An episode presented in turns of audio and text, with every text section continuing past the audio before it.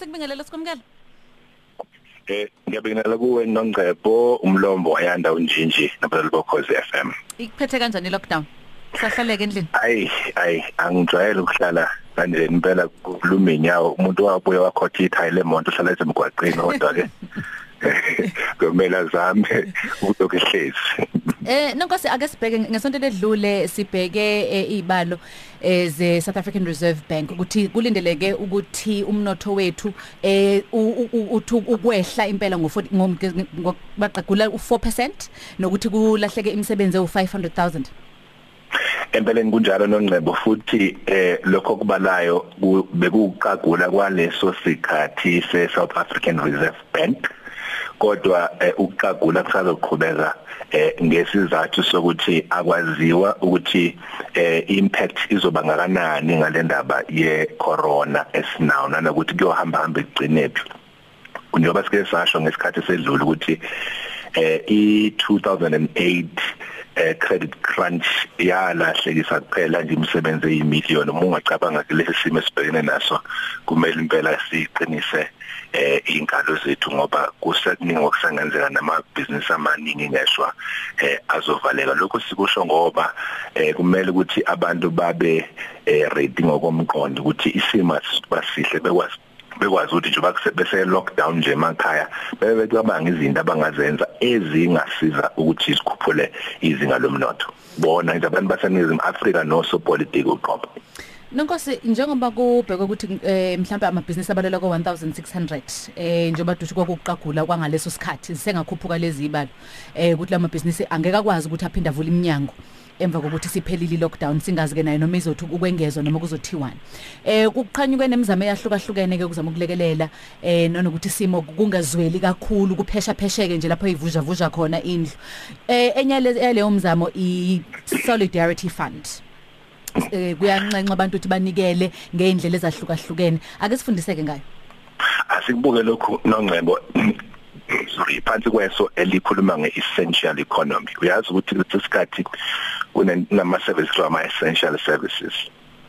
Sizoba nento esingayibiza ukuthi i long term economic flu umkhuhlane womnotho wesikhathi eside eh asibonga okokuqala ukuthi njengamanje indlela izinto ezenzeka ngayo kuyatshengisa ukuthi abantu bonke ngisho inkampani ziyabambisana nohulumeni.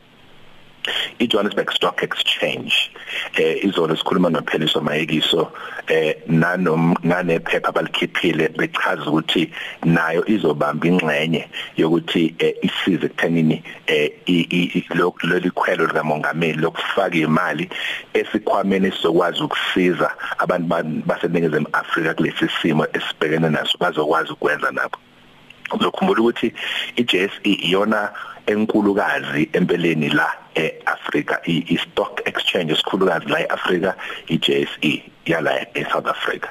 Eh istock exchange esikhulukazi emhlabeni futhi esicishe sibe eseshumi esala eNingizimu Afrika. Kusho ukuthi kunemali abayikhiqizayo eJSE ebalelwa kuyigidi ngeyigidi usuku nosuku ngenxa yenkampani esuke zikhona. Yizeke nayo noma ishayekile.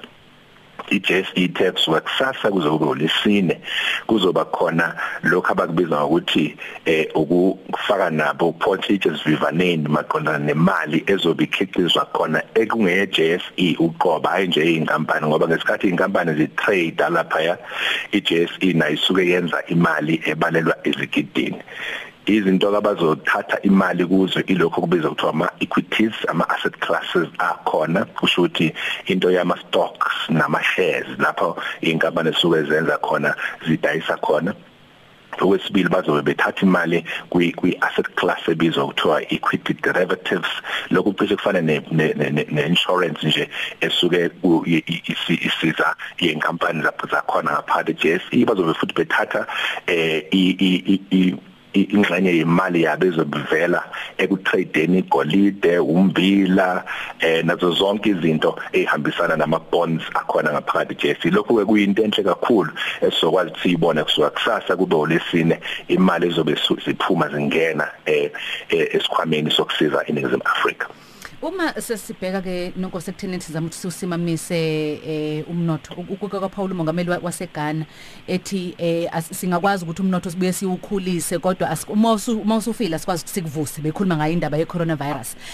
Sayibuka lento ukuthi okay u- us- usimamiswa kanjani lo mnotho ngoba makubhekwa izibalo ziyathusa uvela ungabi nalo ithemba ukuthi ngempela ngempela khona amacebe engaqhanyuka nawo ukuthi kwaze ukuthi eh izinto ziphinde zi- zilungiseke.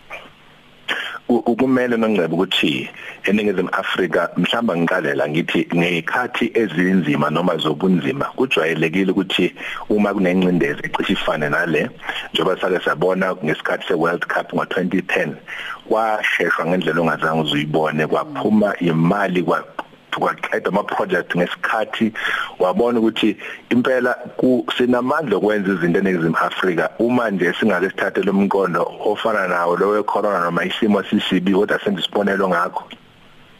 Kumbe sithathe u2010 ngesikhathi kunesimo esasisheshisa ukuthi ake sidelive kube khona izinto ezizokwenza. Uzokhumbula nje umongameli oyekhona eh, unqamalala ngaleso sikhathi wamane wathi nje bakwethu asihloniphe abantu bokufika ubugebengu ba- bayaphela nya abantu bahlonipha nje.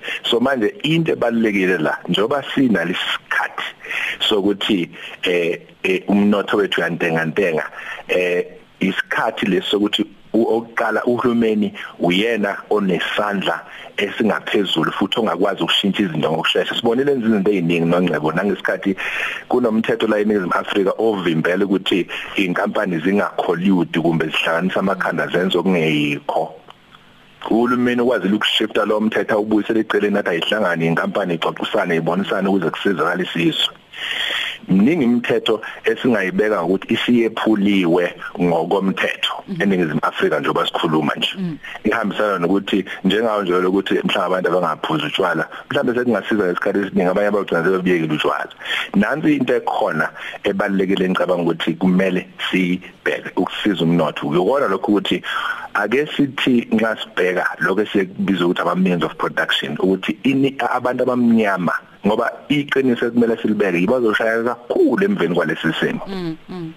Eh ukuthi sinama entrepreneurs akithi amele ukusizwa nongcebo.